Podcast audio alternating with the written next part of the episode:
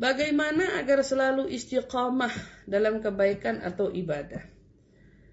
Yang namanya orang menuju ke istiqomahan itu pasti banyak upayanya, banyak sekali rintangannya, banyak sekali penghadangnya, khususnya setan dan hawa nafsu kita. Pasti akan menghadangi kita. Lalu bagaimana agar kita tetap bisa selalu beristiqomah dalam kebaikan?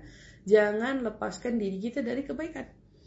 Sebisa mungkin kalau kita adalah orang-orang yang sedang menuju kepada kebaikan, ingin perubahan menuju ke kebaikan, maka jangan buat diri kita lebih banyak e, menghabiskan waktu untuk hal yang tidak manfaat ketimbang hal yang manfaat.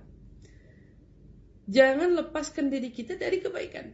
Andai kata terlepas, misal, contohnya kita adalah orang yang sedang berusaha mendawamkan satu amalan, sholat duha dua rakaat misalnya. Ada satu kali waktu ternyata entah kita sibuk kerja atau entah kita punya kerjaan yang memang betul-betul membuat kita terlupa akan sholat duha itu sendiri. Lalu bagaimana caranya agar kita tidak lalai ke hari-hari berikutnya, maka jadikan hari yang kau tinggalkan itu kau bayar di hari berikutnya. Kebetulan hari ini kau begitu sibuk sampai kita ketinggalan duha. Maka bagaimana caranya biar syaitan itu nyesel membuat kita lupa pada hari itu. Kenapa? Karena ternyata lupanya kita pada hari ini akan kita bayar juga di hari besok. Maka hari ini kita lupa dua rakaat, besok bakal tetap kita kerjain. Berarti kalau kita sedang berusaha mendawamkan dua rakaat, maka kita berusaha besok menjadi empat rakaat, menggantikan yang kemarin yang tertinggal. Niscaya dengan gobo yang kita lakukan dari amalan kebaikan yang kita kerjakan ini, membuat setan-setan itu merasa jerah. Bahkan diri kita sendiri, hawa nafsu kita.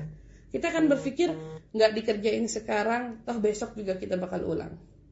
Nah, itu akan melatih hawa nafsu kita agar tetap beristiqamah. Jadi jika ketinggalan dalam satu amalan itu, jangan kau tinggalkan lalu kau mengabaikannya begitu saja, tapi kau jadikan itu adalah cambukmu untuk menjadi orang yang mengulanginya perbuatan tersebut di hari kemudian diulangi, diqadha.